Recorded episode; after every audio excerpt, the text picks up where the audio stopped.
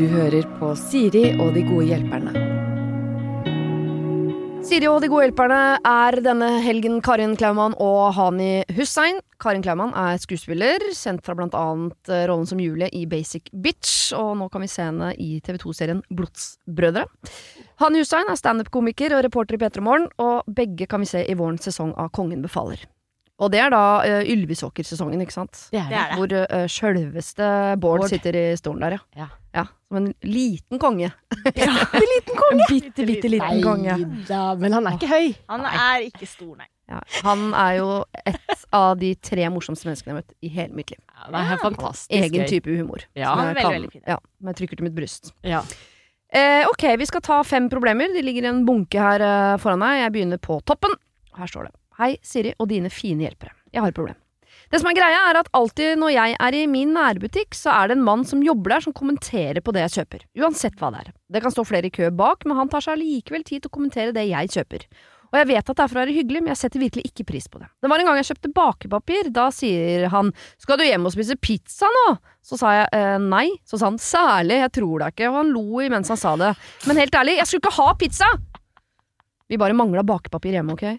Men det gidder jeg ikke å forklare han, det er ikke hans business.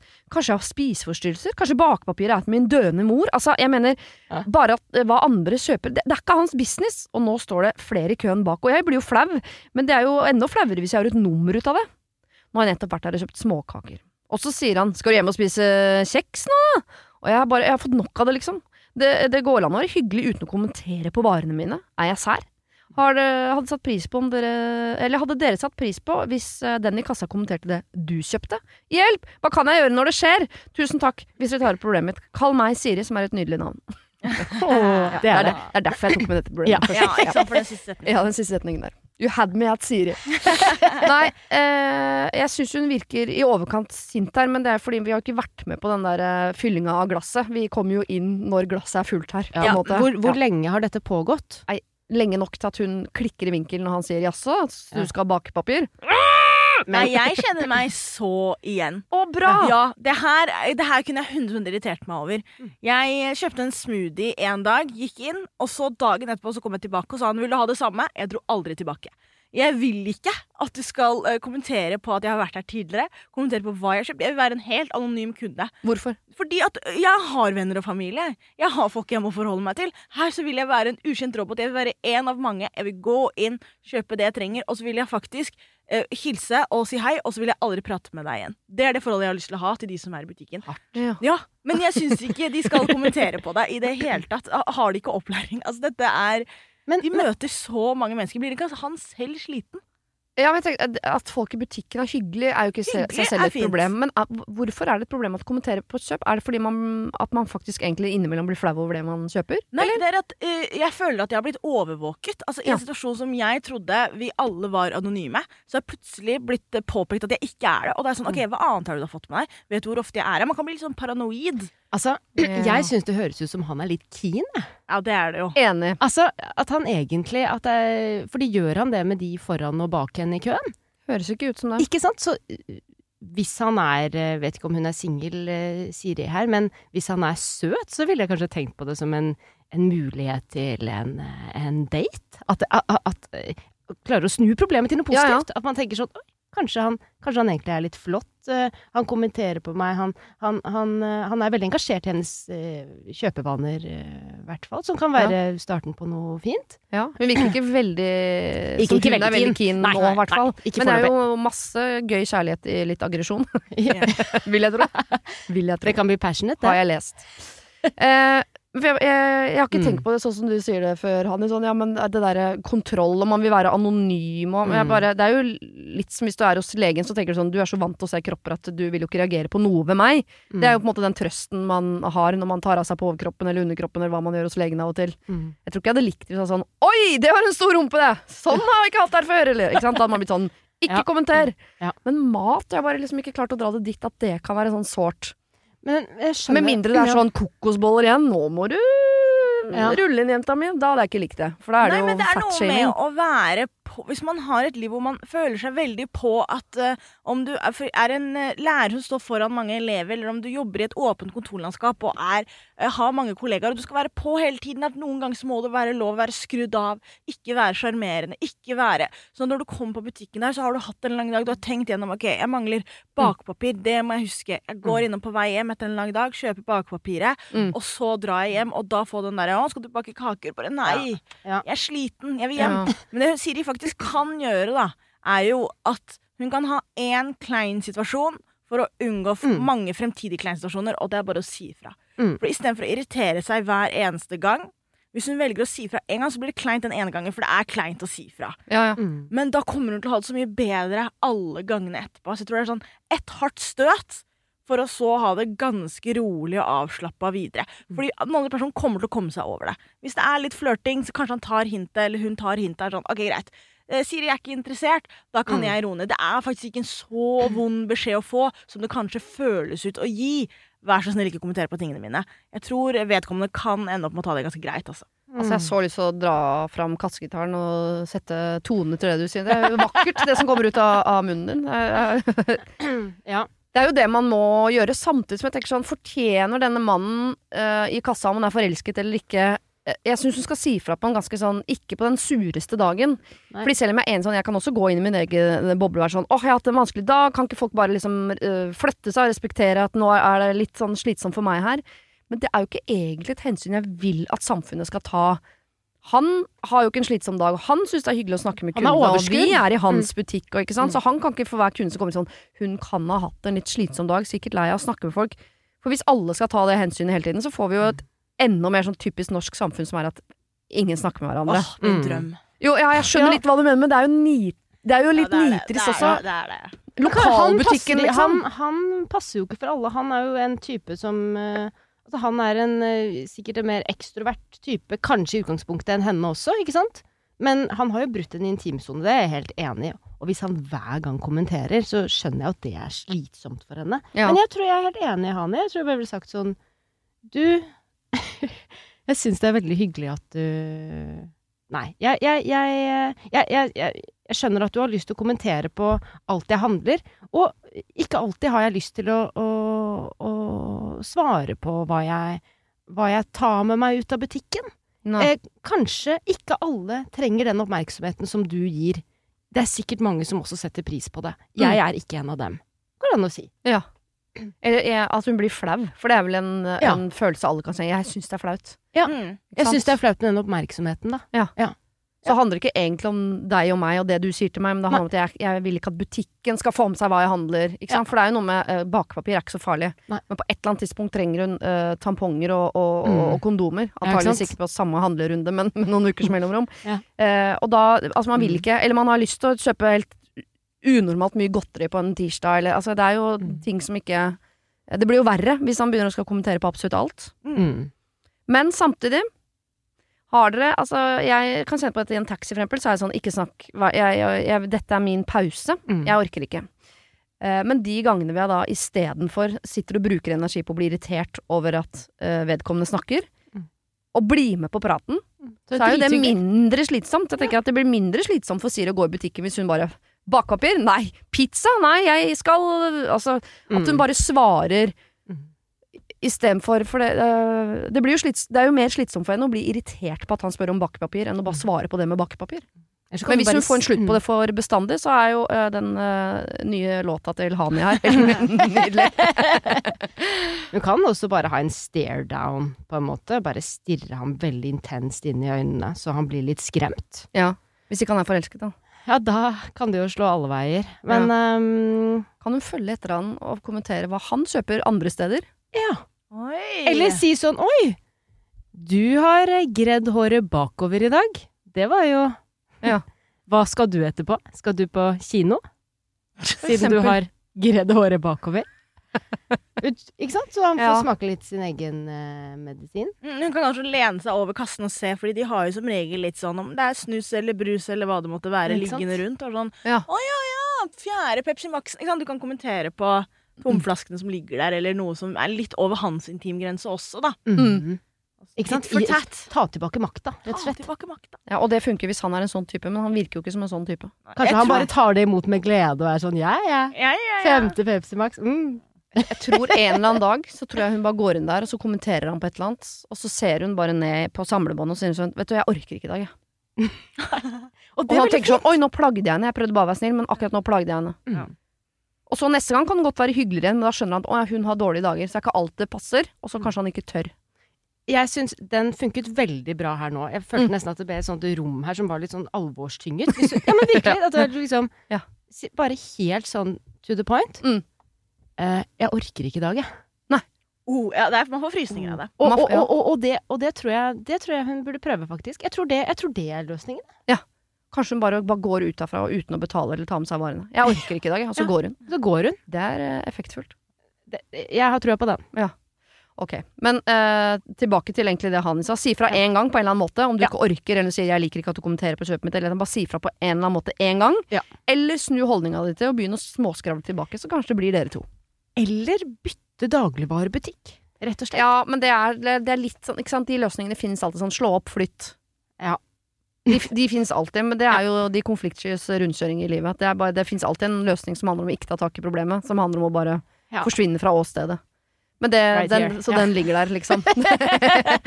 Jeg hadde vært uh, de, fleste kommer til, de fleste ville gjort det, nemlig. Ja, sant? Jeg er tilbøyelig til å bare bytte til Reman uh, på andre sida. Det hadde jo jeg også gjort Ja. for lenge siden. Selvfølgelig. Det er det aller enkleste. Ok.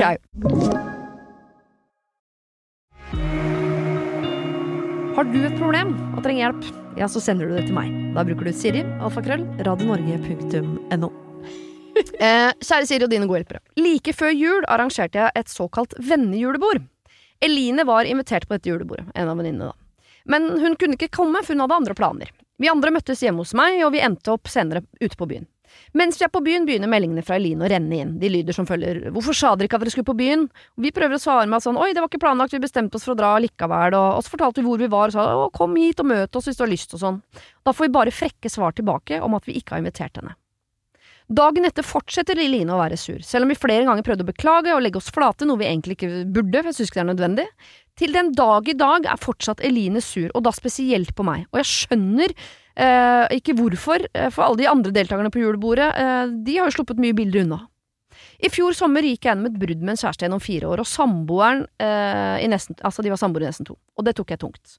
Og Line var en av de jeg betrodde meg til å kunne snakke om alt med. I etterkant av julebordet eh, i etterkant av julebordet fortsatte jeg å invitere henne med på ting, men jeg følte jeg fikk frekke og spydige kommentarer tilbake, og det toppet seg da hun kom hjem til meg og fortalte at hun hadde masse kontakt med min eks, og at de hang masse sammen. Etter dette har jeg sluttet å prøve. Jeg tar ikke lenger initiativ til å treffes eller snakkes. Men om jeg treffer henne, så har jeg helt vanlig folkeskikk. Enkelte av venninner rundt meg syns situasjonen er vanskelig, fordi vi ikke tar noe parti, da vi alle er en stor vennegjeng. Men det sårer meg. Flere av de jeg anser som nære venner, gidder ikke å stå opp for meg. De sier en ting til Eline og en annen ting til meg. Og jeg vet at, eh, noen hadde, at om noen hadde oppført seg sånn mot mine venner, så hadde jeg stått opp for dem og sagt fra at dette er ikke greit. I tillegg har Eline fortalt eh, til andre venninner av meg at jeg utestenger henne, at jeg ikke vil være vennen hennes lenger. Så derfor så er det jeg som må komme til henne hvis vi skal ordne opp. Beklager lang melding, altså, men hva skal jeg gjøre her, vi er en stor gjeng, jeg vil ikke ekskludere meg selv, men jeg syns ikke det er ok å oppføre seg sånn mot en nær venninne. Og kan jeg si fra til de andre vennene rundt at jeg syns det er skuffende at de ikke tar meg i forsvar? Dere kan kalle meg Solveig. Jeg fikk ikke med meg altså, ja, ja, ok. Men hva var det med eksen? Altså, hun er sammen Hun Jeg tror det er litt for å forklare at vi, det er henne jeg gikk til med eksen, så hun er, var en veldig nær venn. Pluss at nå Ja. driver hun og henger med eksen hennes. Eh, Noe som Hun andre, Eline, Eline henger med henger med hennes eks. Ja. Eh, eh, Som en litt sånn stikk i, stikk i magen. Om dette er tilfeldigheter, at dette faller samtidig, eller om dette er noe hun sier for hun er sur for at hun ikke ble invitert to ganger til det samme julebordet. Men har, men har det skjedd noe, på en måte? Altså, hva, hva er Vi har ikke noen bakgrunnshistorie her. Nei. Nei. Jeg tror bare her er det én Solveig syns at Eline har oppført seg skuffende nå lenge, men det er Eline som er sur allikevel på Solveig, selv om Solveig har jo ikke gjort noe galt. Men Eline er sur, Ja. og så vil hun egentlig at hele vennegjengen skal eh, følge Solveig og hennes syn på at her er det Eline som har gjort noe gærent, og ikke jeg. Men så virker det som de bare i du vet, konfliktskyhetens høyborg Mm. Ikke tar noe side, ikke noe parti. De har jo glemt det. Dette er jo ikke et problem for de. de henger jo, hun henger jo ikke med dere seks, eller Så det er egentlig Problemet ligger mellom Solveig og, og Eline her. At det, det er noe Ja, og at Solveig syns at gjengen burde backe henne, fordi det er jo Sånn som jeg leser det, Eline som ikke har oppført seg helt 100 her. Ja. ja. Ja. og alt bunner i denne, dette julebordet som ikke ble som folk trodde. Mm. At de da bestemte seg for å gå ut i byen, ja.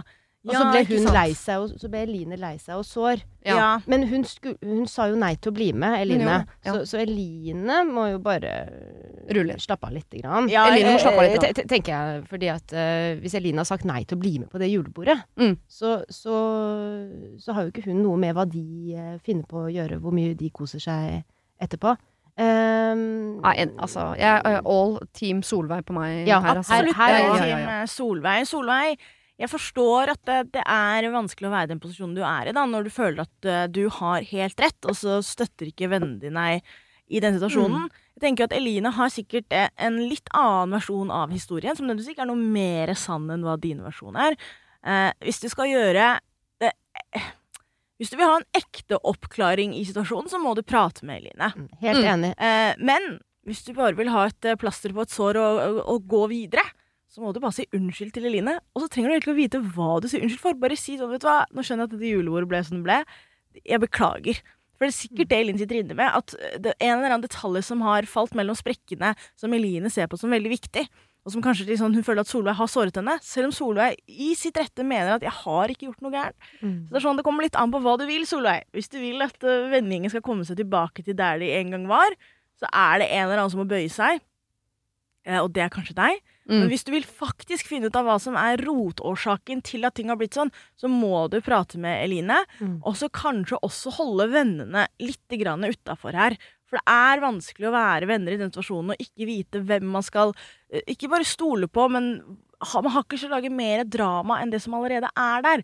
Nei. Jeg kjenner meg igjen i vennene. At jeg kunne vært litt sånn Ok, greit. eh, Enig at Solveig ikke har gjort noe, men nå er Eline veldig såra. Ja. Ja. at det er mellom dem. Så da kan jeg ta et steg tilbake, som Solveig kan føle som et mm. stikk mot henne, når det egentlig er å være Sveits eller Sverige og vifte med det hvite flagget. Ja. Eh, så, så, så Eline og Solveig må nok eh, prate sammen.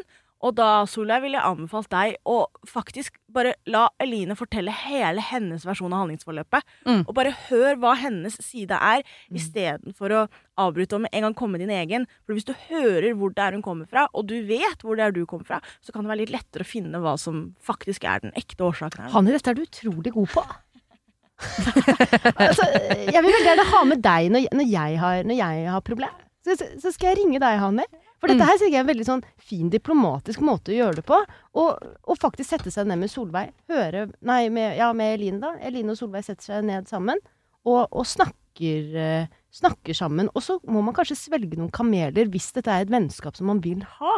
For det er også en Jeg vet ikke hvilken alder, hvor gamle de er, men på et tidspunkt så kommer man jo eh, til et sted hvor man eh, Jeg har for eksempel eh, en del av de vennene jeg har vokst opp med, har jeg liksom vokst litt eh, ifra.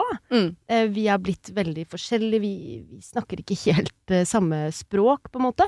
Og så, så kommer det an på hvor mye man liksom vil eh, Hvor mye man vil kjempe for de eh, gode, gamle, den derre gamle gjengen, eller om man kanskje faktisk har vokst fra hverandre. Det kan jo også være en ting som skjer, og som kan føles vondt, men som kanskje bare er litt sånn det er, og så må man Mm. godta det, kanskje. Ja. Men, men ehm, jeg tenker også at de burde snakke sammen, og, og at begge burde være Eline burde være veldig åpen og ærlig.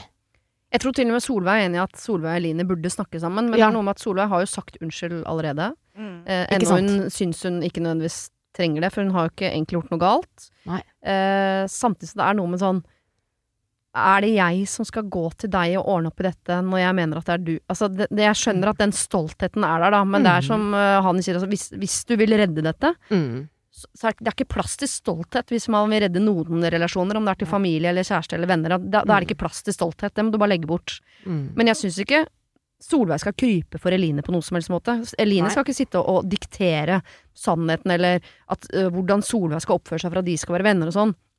Det er noe med hvis En ting er relasjonen til Eline, tipper jeg den er litt ødelagt. Mm, høres jo litt sånn ut. Men hvis hun ikke vil liksom skape en sånn her kløft i den vennegjengen Mm. For det går utelukkende Det virker som Eline er helt komfortabel med det situasjonen nå. Mm. Så det er Solveig som sitter og, og sliter med at nå er vennegjengen litt sånn i, øh, delt og ikke sant. Dette er først og fremst vanskelig for Solveig. Og utrolig ubehagelig å kjenne på at det er en som er liksom sur på deg uten at du helt vet hvorfor. Altså Mm. det er jo en, i en større venn kjempeubehagelig. Så eh, hvis det var meg, så hadde jeg eh, satt meg ned og bare Ikke krype eller noe sånt, men bare liksom si jeg trenger å forstå hva du Hva skjedde? Hva har skjedd, og Mm. hvorfor er det så rar stemning mellom oss? For jeg vil at alle bare skal ha det eh, bra sammen. Og Så, da, i ja. hvert fall uansett hva som kommer fram der, så har hun jo den til evig tid. Sånn, jeg satte meg ned og prøvde å fikse det. Hun er jo si the er- greater person. Det er du da. Bigger person, hvis hun, hvis, hvis hun tar den. Mm, Og det viser jo litt sånn emosjonell intelligens fra Solveig også, å plukke opp på at noe stusser, her er det rart, hva er det, hvorfor Altså, at hun, hun, hun registrerer kanskje veldig mange ting som folk som er litt mer overflatiske, kanskje ikke gjør. Mm. Og da kan det være litt vanskelig å være den som ser noe som virker åpenbart, når alle andre ignorerer det. At man da er sånn, Mm. hva er det som skjer? Men det kan være at Solveig, du er hakket for emosjonelt intelligent. Altså, sånn at Ja. da må du kanskje komme deg også Ikke legge deg flat, det er ikke nødvendig, men komme deg litt ned på deres nivå. Sånn, ok, hva er det de Du ser? er for smart. ja, Mm, du er for smart. For smart. Eller får følelsen av at de andre har nå bare valgt å gå videre fordi det var lettere. Mens for deg så sitter dette her litt dypere, og da er det du som gjør noe med det. Fordi for de andre er ikke dette et problem.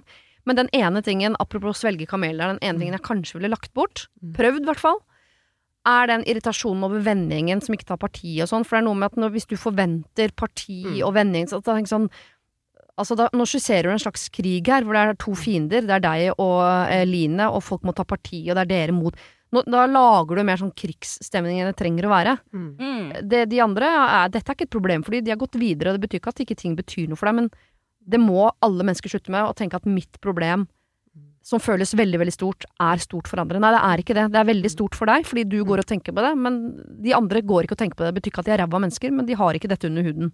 Mm. Så eh, jeg ville lagt bort den irritasjonen på de andre vennene, og gått rett på Eline. Mm. Tatt en prat. det. Mm. Og så tror jeg ikke Sola og Eline kommer så veldig tett igjen, men i hvert fall den der kløfta i vennegjengen kan man jo Ja, liksom og så kanskje man skjønner etter hvert, da, hvis hun prøver å tilnærme seg eh, Eline og skjønner at hun kommer ikke noe vei med det, så, så er det kanskje litt sånn meningen når man Ja. blir voksen, at uh, til slutt så velger man liksom sine mennesker, sin familie, i venner, da, som, Ja. man, som man ønsker å bruke tid og krefter på. Og hvis ikke Eline tar imot Mm. når hun kommer og er the, the bigger person, da tenker jeg kanskje at da er det litt sånn Elines loss. Ja. Rett og slett. Og da, er det, da har hun prøvd. Men du må klare å omgås Eline, for jeg tenker sånn, man skal omgås masse mennesker gjennom resten av livet som man ikke nødvendigvis Absolutt. eh, eh, elsker 100 Man tenker Ja. sånn, du, Vi er i samme vennegjeng. Mm. Det Da må man godta det. Ja. Ja. og det er ikke Mm. alltid uh, fint eller lett å sette folk i båser, men noen ganger så kan det være veldig hjelpsomt hvis du setter Eline i en perifer vennboks. Mm. Da får du helt andre forventninger til hvordan hun oppfører seg. Mm. Og da er plutselig alt det her greit, for det er en perifer venn i vennegjengen. Mm. Alle vennegjenger har det. Du er litt nære noen enn du er andre, og noen er litt på utkanten. Mm. Og hvis du bare anerkjenner hvilken rolle Eline har i ditt liv, Mm. og at det er en perifer venn som er på utsiden av vennegjengen, som du omgås med i sosiale setninger, og som du er hyggelig med, da er plutselig disse stikkene mye mindre eh, både nære og vonde. Ja. Det er bare sånn, å ja. Det er, ikke, det er ikke de nærmeste som sviker deg. Nei. Det er en perifer venn som lever hennes liv. Ja. Men det det med eksen også er jo litt sånn Kan sikkert eh, oppleves litt sånn ubehagelig for henne at hun At Eline driver og henger med eksen hennes. Jeg, jeg, jeg skjønner jo at det også er litt sånn hva, hva kommer det av? Er det noe sånn Prøver Eline å gjøre henne sjalu, eller er det noe Det, det høres jo litt sånn ekkelt ut for, eh, for Solveig, så det vil jeg også bare Ja, Den situasjonen må jo følge med på, for det kan jo potensielt bli et problem. Ja, så Hvis det plutselig blir Eline og eksen, liksom. Ja, så det ville jeg også kanskje bare tatt opp, og bare spurt henne rett ut sånn hva Dere har blitt så nære, liksom. Hva, hva tenker du om det? Eller? Ja. Men jeg er bare mest liksom, opptatt av å redde den vennegjengen. Ja, sånn, ja, Hvis Solveig nå velger en taktikk som er å å ja, her opplever jeg avstand, da skal jeg ta avstand. Mm. Da lager du avstand. Så det er noe Mm. med at du må gjøre den kløfta mindre. Og, sånn at plutselig en dag nå, hvis du tar avstand, og de tenker sånn å ja, Solveig forsvant jo helt, nå har Eline blitt sammen med eksen hennes, og vi henger med han. Så har du, da har du mista det, fordi du sitter liksom stolt borti periferien der Mm. og nekta å ta tak. Mm. Så eh, ja. Nei, eh, snakk med hun Eline, og sett henne i perifer venn-båsen. Ja. Den båsen fins, Mm. den skal vi ikke gjøre noe med. Mm. Ok, vi skal til fortidssjalusi, eh, og la meg forklare. Dette er noe jeg har snakket mye om fordi jeg eh, er eks-fortidssjalu. Tidligere fortidssjalu. Altså, jeg, noe, jeg er ikke noe sånn um, sjalu på Når mannen min går ut nå, så tenker jeg ikke sånn åh, hvem skal du Jeg er ikke noe sånn, men jeg likte ikke tanken på at han de tingene vi opplevde, hadde han opplevd før. For det, det tok bort liksom sånn eh, jeg, Noen ganger skulle jeg tenke sånn hva, Du har sikkert sagt 'jeg elsker deg' til eksene dine, det har jo jeg til mine ekser også, men jeg likte ikke det, for jeg ville være liksom Jeg ville være unik. Den eneste. Jeg ville være den eneste ene. Ja. Så det sleit jeg litt med i begynnelsen, men, eh, men det er borte eh, hos meg. Eh, ok, her skriver hun. Hei, jeg er fortidssjalu. Ja, sjalu på hvem kjæresten min har hatt en relasjon til før. Jeg er hans første kjæreste, men han har vært forelsket før og har hatt noe flings. Noen av de treffer jeg på av og til, på fester, da han har ligget med en del av jentene i gjengen, for eksempel. De er åpenbart mer ukomfortable enn meg, men jeg møter dem med et smil og vennlighet, da jeg har jo ingen dårlig eh, intensjon mot dem sånn personlig. Jeg vet at kjæresten min er helt over disse personene, men altså søren heller, jeg kjenner jeg, kan finne på å bli irritert og usikker, og det kan resultere i at jeg blir vanskelig å ha med å gjøre fordi det plager meg. Og da går det utover kjæresten min, og vi krangler kanskje litt. Rett og slett fordi jeg får griller i hodet og må re- revurdere hele forholdet. Mm. Det skal sies at jeg er ikke sjalu generelt, da jeg føler meg trygg. Han har også sagt at han elsker meg, og jeg er den første han elsker, og jeg er den første som har møtt familien hans. Kan dere være sånn å banke litt vett inn i hodet mitt, slik at jeg blir kvitt dette problemet? Vi har snakket om det, og problemet ligger hos meg og i min tankegang. Jeg har også sagt til han at jeg er fortidssjalu, men hva mer kan jeg gjøre? Eh, men hva kan han gjøre for å betrygge meg på at det ikke var noe spesielt med de forrige? Eh, til deres informasjon, vi nærmer oss 30 begge to, og dere kan kalle meg Camilla. Mm. Åh, dette, jeg kjenner meg igjen i dette her. Ja, gjør du det? Ja, ja, ja. har vært. Jeg, jeg har også vært fortidssjalu, Ja. må vi si. Uh, og det er jo en forferdelig følelse jeg, jeg, jeg- skjønner veldig godt hva hun eh, føler, og det, jeg syns det er veldig eh, kult at hun kommer med dette problemet her. fordi det er jo jeg tror det er også et problem som veldig mange kan kjenne seg igjen i, Mm. og kjenne på de, de tingene her. Hvis han uh, Hvis han er veldig god venn med de han har ligget med før, Mm.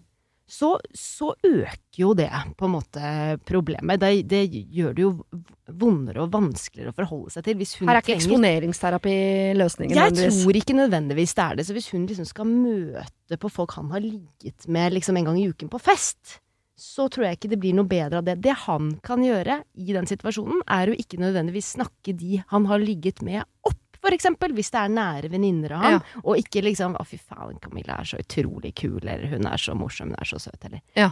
og, og kanskje bare liksom gjøre det litt sånn tydelig overfor kjæresten sin at ja, dette er folk jeg har ligget med, men altså heller liksom smøre på litt sånn 'men hun lukter vondt'. Eller sånn, eller burde, sånn burde hun gå i beige bukse, strengt talt? ja, ja, altså Ja. bare liksom I hvert fall ikke snakke dem så opp. Nei. Det er et råd til ham, da. Ja, ja. Fordi eh, For det kan jo gjøre henne mer eh, usikker hvis hun må omgås folk han har hatt uh, samvær med. Delt samvær. ja. ja. ja.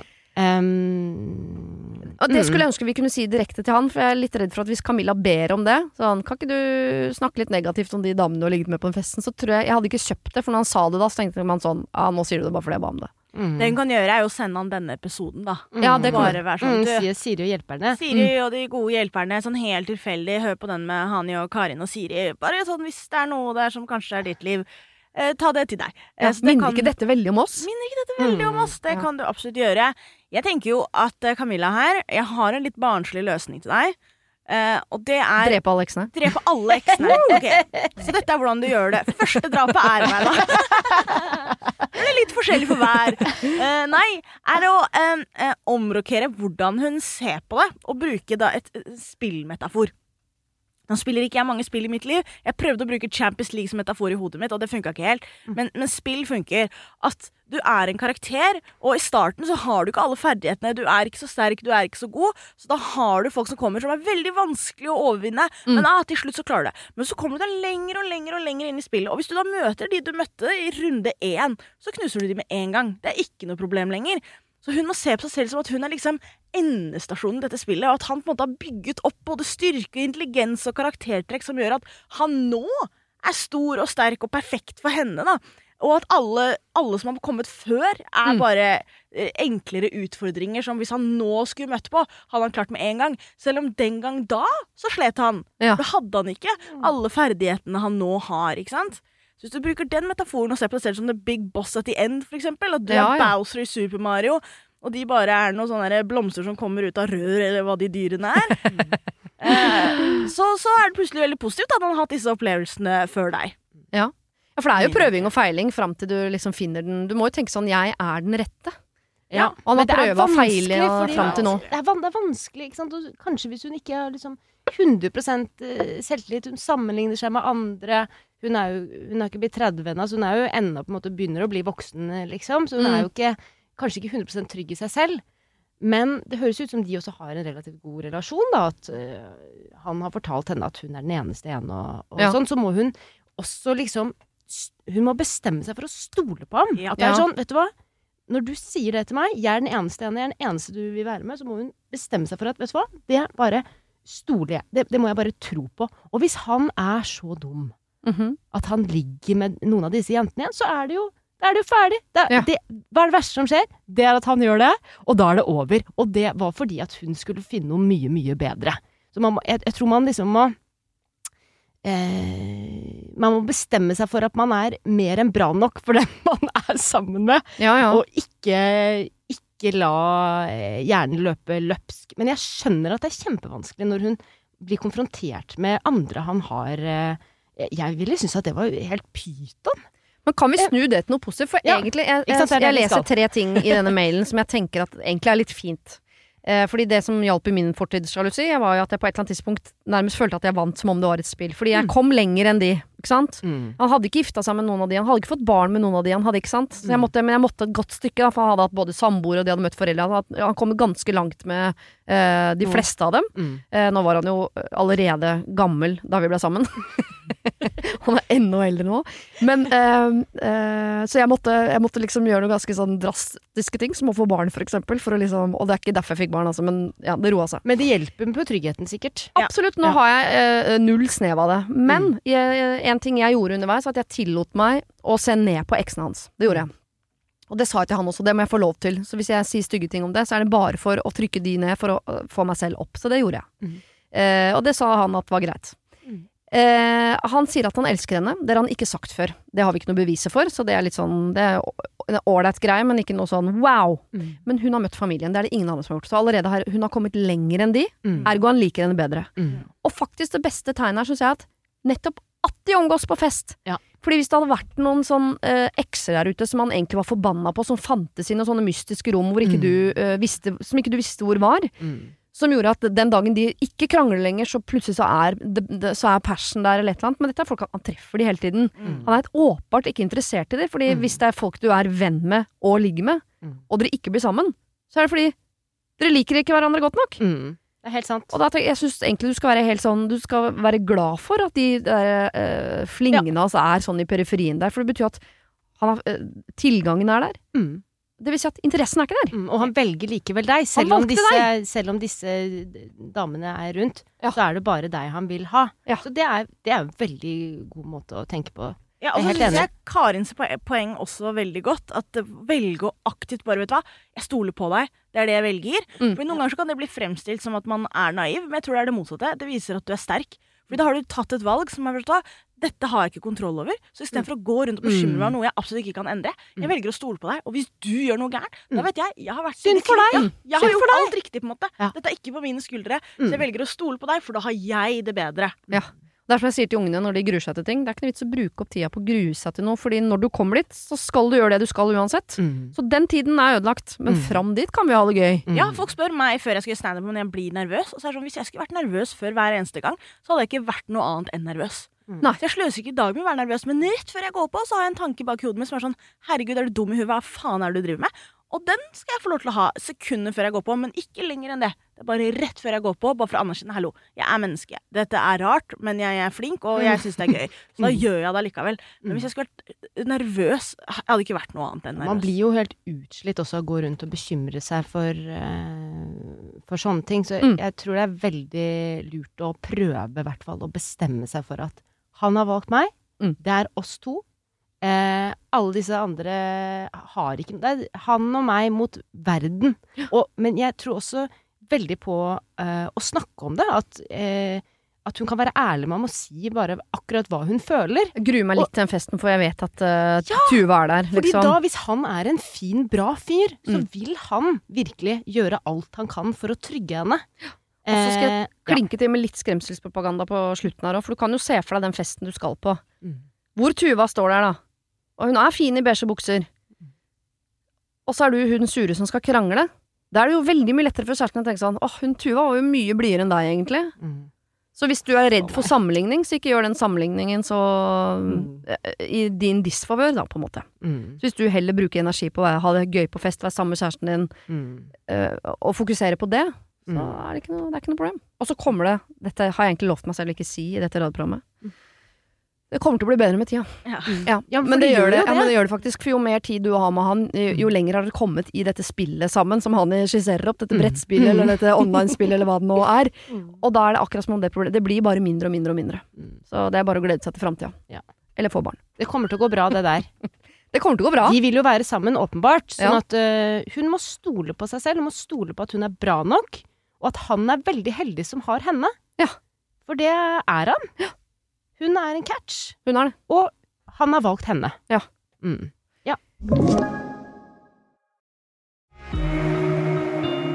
Har du et problem og trenger hjelp, ja, så sender du det til meg. Da bruker du Siri, alfakrøll, radionorge.no. Vi skal eh, til en som eh, vil bli kalt for Trine, som eh, ønsker at vi skal eh, sørge for at hun får i pose og sekk. Og vanligvis syns jeg det er litt mye å be om, men her skjønner jeg hva hun mener. Ok. Eh, vi er fem venninner som drar på mini-norgesferie hvert år. Jeg har gjort det i seks år nå. Det er alltid jeg som arrangerer. Litt fordi det var jeg som starta det, og så har det liksom bare blitt min rolle, men jeg har fått litt hjelp når jeg har bedt om det, og, det, og alle er alltid veldig glade for jobben jeg gjør. Og ja, jeg er bitte litt kontrollfrik, så jeg kjenner at jeg hadde ikke stolt 100% på noen andre om de tok over. Dato og antall dager er allerede satt for årets tur, men noe mer enn det har jeg ikke tatt tak i ennå. Så kommer det et snikende problem her. Jeg kjenner på litt irritasjon. Jeg kjenner på irritasjon over å servere en tur på fat år etter år, spesielt overfor hun ene, som ikke bidrar med noe, verken i forkant eller på selve turen. Jeg overhørte henne si til en annen her i jula at hun syntes det var så digg å bare møte opp uten å ha løfta en finger, for dersom hun måtte arrangere noe sånt, ja, så hadde hun droppa det, for det var ikke så fine turer heller. Oi. Det var nok her min lille irritasjon blussa kraftig opp. Altså, om hun ikke blir med, så er jo det en vinn-vinn for meg. Jeg kjenner at det byr meg imot å arrangere noe som helst som A, eh, for henne, da, som A ikke liker turen så godt, B, ikke bidrar, og C, som jeg egentlig ikke vil ha med i utgangspunktet. Men jeg er redd at dersom jeg ikke arrangerer, så blir hele tradisjonen borte, og det vil jeg jo ikke. Jeg ser for meg mange ulike løsninger her, men alle blir litt sånn passiv-aggressive, og som den konfliktsky jeg er, så ender jeg nok opp med å bare arrangere denne turen i år igjen. Og jeg koser meg nå igjen når jeg først er der, men finnes det en løsning her som jeg ikke ser, som kanskje blir pose og sekk for meg? Kall meg Trine. Altså hun er på jakt etter en løsning som gjør at de drar på tur, hun arrangerer, men denne ene venninnen, hun er ikke med. Oh, eller, ja, det smutthull? Ja. eller at hun ene venninna gjør noe, da. I, i uh, oppladningen, eller liksom i forarbeidet. At hun tar del. Men Ja. egentlig så har hun ikke lyst til å ha henne med. Og det, vet du hva, det skjønner jeg. Jeg, jeg. Jeg skjønner Trine her. Det er liksom Hun virker jo så utakknemlig. Eh, hun eh, jenta som bare blir med med lua på snei, liksom. Jeg, jeg, eh, jeg skjønner Ja, da blir man blindpassasjer, Hani. Ja, det er det, da. Jeg Ja, ja, kjenner meg litt grann igjen i blindpassasjer. Ja, men, men det. Jeg, jeg skjønner Trine veldig godt, og hun vil ikke ha henne med. Men er hun ikke sant? De er en vennegjeng. Det er fem jenter. Mm. Eh, jeg eh, Vi er inne på dette med ja. å skape splid igjen, da, i en, i en Ja, gjeng, liksom. det. Skal du, skal du ha en fiende i gjengen? Er de fem med hun som har sendt inn e-posten? Ja. Ah, for Hvis jeg hadde vært seks og da, så kunne du sagt sånn Det er bilferie i år, og vi har bare en femseter, så da er det en som må ryke. Eh, nei, hvor, jeg mener jo på ekte at det bare er å ikke invitere, men jeg skjønner jo at den er litt vanskelig. Eh, men eh, det hun kan gjøre, da, og jeg vet ikke om dette kommer til å hjelpe med denne ikke-inviteringen, men å, å gi fra seg litt grann av eh, Ansvar. ansvaret, er jo Jeg vet ikke om dere har hørt dette programmet Excel. Eh, Excel er ganske boring, men hvis hun lager et Excel-skjema hvor alle ting jeg trodde du mente må- gamle radioprogrammet. Så ikke sånn som sitter her med nei, ung radioprogram, ikke- bare drittprogram. Men eh, jeg, jeg vet ikke hva staver Excel engang, jeg. Men Microsoft Excel. Ja, ok, greit, jeg er Eh, mor. ikke radioprogrammet på. NRK. det veldig gøy. Det veldig gøy Nei, vi har laget Excel-skjema. Ja. Eh, og så ha alle arbeidsoppgaver som må fylles ut. Og også kanskje fordele hvem som skal gjøre det. Og så gir du dem en tidsfrist. Men her, og dette er noe jeg hadde vært irritert av hvis noen gjorde mot meg, men jeg hadde gjort mot andre, Ja. det er å gi en tidsfrist som ikke er sann. Eh, oh, ja. Gi en frist som egentlig er kanskje tre-fire dager før den ekte fristen. Ja, Hvis ja. arbeidsoppgavene ikke er gjort, Så kan du ikke bli med. Kan, ja, da kan Men hvis du har blitt utsatt for dette, Hanni, så er det fordi noen mener at du trenger det. ikke sant? Ja. Eh, så jeg har jo ikke blitt utsatt for det, men det kan hende jeg har utsatt andre for det. Ja. Men at du da gir en tidsfrist som er fire dager, du sier sånn Ok, hvis ikke det er gjennomført, nei, men da kan ikke du være med, men så har du også tid til å fikse det. Da kan du gjøre det, Ja. for den ekte tidsfristen er om fire uker. Mm. Eh, Nei, om fire dager. Fire uker er litt ekstremt. Men eh, lage et ekstraskjema og fordele oppgavene mellom vennegjengen. Mm. Og hvis man da ikke gjør oppgavene, så er det litt tydeligere da å være sånn Ok, men da gjorde ikke du det, da kan ikke du dessverre være med. Eller igjen, da, som løsningen på de fleste tingene her er, prat med henne. Mm. Fortell henne at dette overhørte du, og det ble du litt såret av. Mm. eh, Og at du legger ganske mye arbeid inn i det her, og det er litt sånn vondt å høre noen i en så bisetning bare si det. For det kan jo så bare være at hun andre bare prøvde å tøffe seg litt. Ja. Jeg har sagt ting jeg ikke mener. Hva? Ja, for å leke litt kulere Ja. enn hva jeg egentlig er. Og etterpå så kan jeg gå vekk og være sånn Det var jo litt unødvendig, da. Jeg trengte ikke å si at eh, bla, bla, bla, bla. Ja, for Vi må ikke glemme at det er tilfeldig at hun har hørt denne ene jenta si denne ene setningen. Så jeg tror nok at Trine i utgangspunktet ikke Det er ikke hennes favoritt i, i vennegjengen, dette er Nei. utgangspunktet. Så dette var nok på en måte bare setningen hun trengte å høre for å For å lage henne til fiende, liksom. At det var litt deilig, Ja. tipper jeg. Det har kokt over eh, her, høres det ut som. Men, men eh, jeg ville jo Du ville bare arrangert den turen. Jeg vet du hva, jeg ville pratet med Jeg ville pratet med henne, ja. Jeg ville sagt det som det var. Jeg ville sagt at eh, Og vært ganske sånn ærlig og direkte og sagt at du bidrar ikke. Jeg syns du er eh, litt dust. ja, men vet du hva? Tenk hvis du blir med på turen etter å ha sagt det greiene Nei, der. det er bare sånn Ja. øh, Hvis vi øh, jeg, kjenner, jeg har kjent på dette her har bygget seg opp over tid. Det topper seg når du sier det der. Ja. Jeg blir lei meg. Eh, hvis du har lyst til å være med på den turen, så trenger jeg at du eh, har lyst til å bidra, i hvert fall. Og hvert fall, altså, når du sier at du egentlig ikke liker turen, nei, men Ja. så drit i å bli med, da. Jeg tror kanskje jeg hadde sagt sånn Hvorfor er du med? Jeg tror, Ja. jeg har- tror jeg har gått ganske, jeg gått ganske hardt ut. Fordi, og det handler ikke om å skape splid eller noe sånt, det handler om å komme liksom til kjernen av problemet. Dette er jo Ja. en dame som åpenbart ikke klarer å oppføre seg. Mhm. Og da mener jeg at man skal tørre å være litt direkte. Men kan hun si det mykere og si sånn, vet du hva, dette er en tur jeg gleder meg veldig til hvert år, og jeg gleder meg til å arrangere den, jeg bruker masse tid Ja. på det, men det er fordi jeg virkelig liker det. Ja. Eh, og så overhørte jeg i jula at du egentlig ikke liker de turene i det hele tatt, og jeg tenker at det er, eh, det er ikke noe gøy for meg å sitte og arrangere ting hvis jeg vet at noen av gjestene faktisk ikke liker turen. Så hvis det er sånn at du ikke har lyst til å være med, så er det helt greit. Mm. Ja. Det er ikke noen forpliktelser overfor meg, eller ikke sant. For, eh, Eller oss andre. Nei. Nei. Så hvis det er sånn at du tenker at de turene er litt dritt, Mm. så, så skal du I release you. Ja, du, Altså får, sånn. du slipper. Ja. Det er greit. Og da kan det hende du bare Nei, nei, nei, jeg har kjempelyst til å være med. Og at du da vekker en eller annen sånn Jeg vil kjempegjerne være med. Jeg kan Ja. til og med Jeg kan til og med ta Kjø- med ta den kokekaffen, liksom. Ja. Um, jeg tror på det. Jeg tror man skal snakke om ting. Jeg tror det er beste løsning på dette Ja. problemet. Snakk om ting, men også hun som arrangerer. Fordel arbeidsoppgaver. Du kan faktisk stole på vennene dine. Mm. Ja. Du kan gi dem De kan være med på å gjøre ting. Hvis du allerede har lagt en rutine eller en plan, eh, og alt du trenger er at de gjennomfører det, Ja. så er det ikke så mye kontroll du gir fra deg. Altså. Det er egentlig bare at du delegerer arbeid du selv har lagt opp. Mm. For jeg tror Trine liker å ha full kontroll på denne turen her. Jeg tror bare hun liker ikke hun ene jenta så godt. Nei. For det er Nei, en sneaky måte jo- å gjøre dette her på også, Ja. som jeg, jeg har også tenkt på en litt sånn eh, så- Som er lov. Men det er jo ljuging involvert, da, men det mener vi kommer oss ikke unna litt ljuging i ny og ne. At du kan si så, vet du hva, jeg, i år så rekker ikke jeg å arrangere fordi jeg tar en sånn eh, masterstudie online på kveldstid. Det kan du bare late som. Afrikastudier. Et eller annet. Eh, så jeg rekker ikke i år, så jeg har bestemt meg for at eh, i hvert fall det året her så må noen andre ta over. Mm. Og jeg har gjort det såpass liksom uh, rettferdig at jeg la alle navnene våre i en hatt.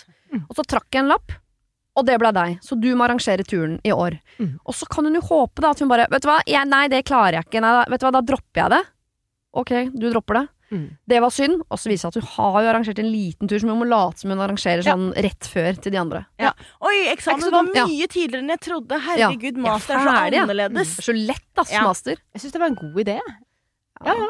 Lag Gjør det. ja. Plutselig så Syns du det er bedre enn dialog nå? Nei, altså, jeg, jeg er jo forkjemper for at man skal snakke om ting og være ærlig og direkte. Jeg tror man kommer best ut av det alltid. Men, eh, Men hvis hun ikke har lyst til å lage noe konflikt og liksom komme seg litt uh, utenom, så hadde jeg eh, gjort det du skisserer deg. Jeg syns det høres ut som en veldig god plan. Hvis hun da trekker sitt navn og er sånn dette, Hun får sikkert helt packeren av det, for hun har aldri laget en tur i hele Jeg må trekke det på forhånd. Ja, ja, det ble det. på forhånd. Det ble deg. Ja, ja, ja. Det ble deg. Oi, nei, gud, det, det orker ikke jeg. Nei, Synd. det, det overrasker ikke. Men det, det er greit. Ja. Eh, da blir det ikke noe Tur. Da blir det ikke noe tur eh, på deg. Og så, og så snakker du med de andre jentene, og de er kanskje sikkert litt enige.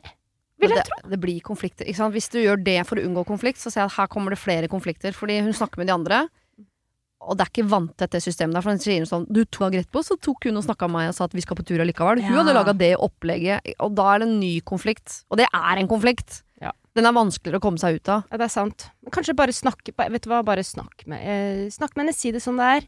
Ta det opp med henne. ikke, Du har ikke si det så samtalen. sint som jeg sier det. Si det litt sånn uh, ærlig og direkte, men hyggelig. Ja.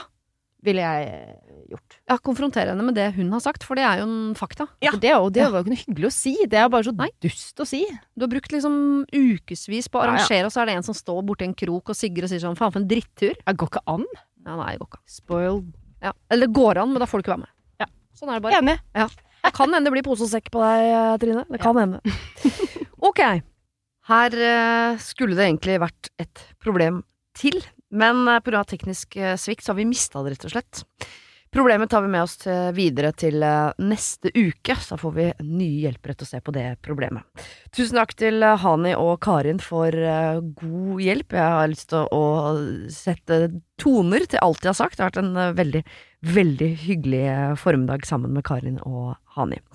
Vi gjøres neste uke. Har du et problem, send det til Siri at radionorge.no. Det var det. Husk å sende problem til siri at radionorge.no om du vil ha hjelp. Denne podkasten er produsert av Klynge for Podplay.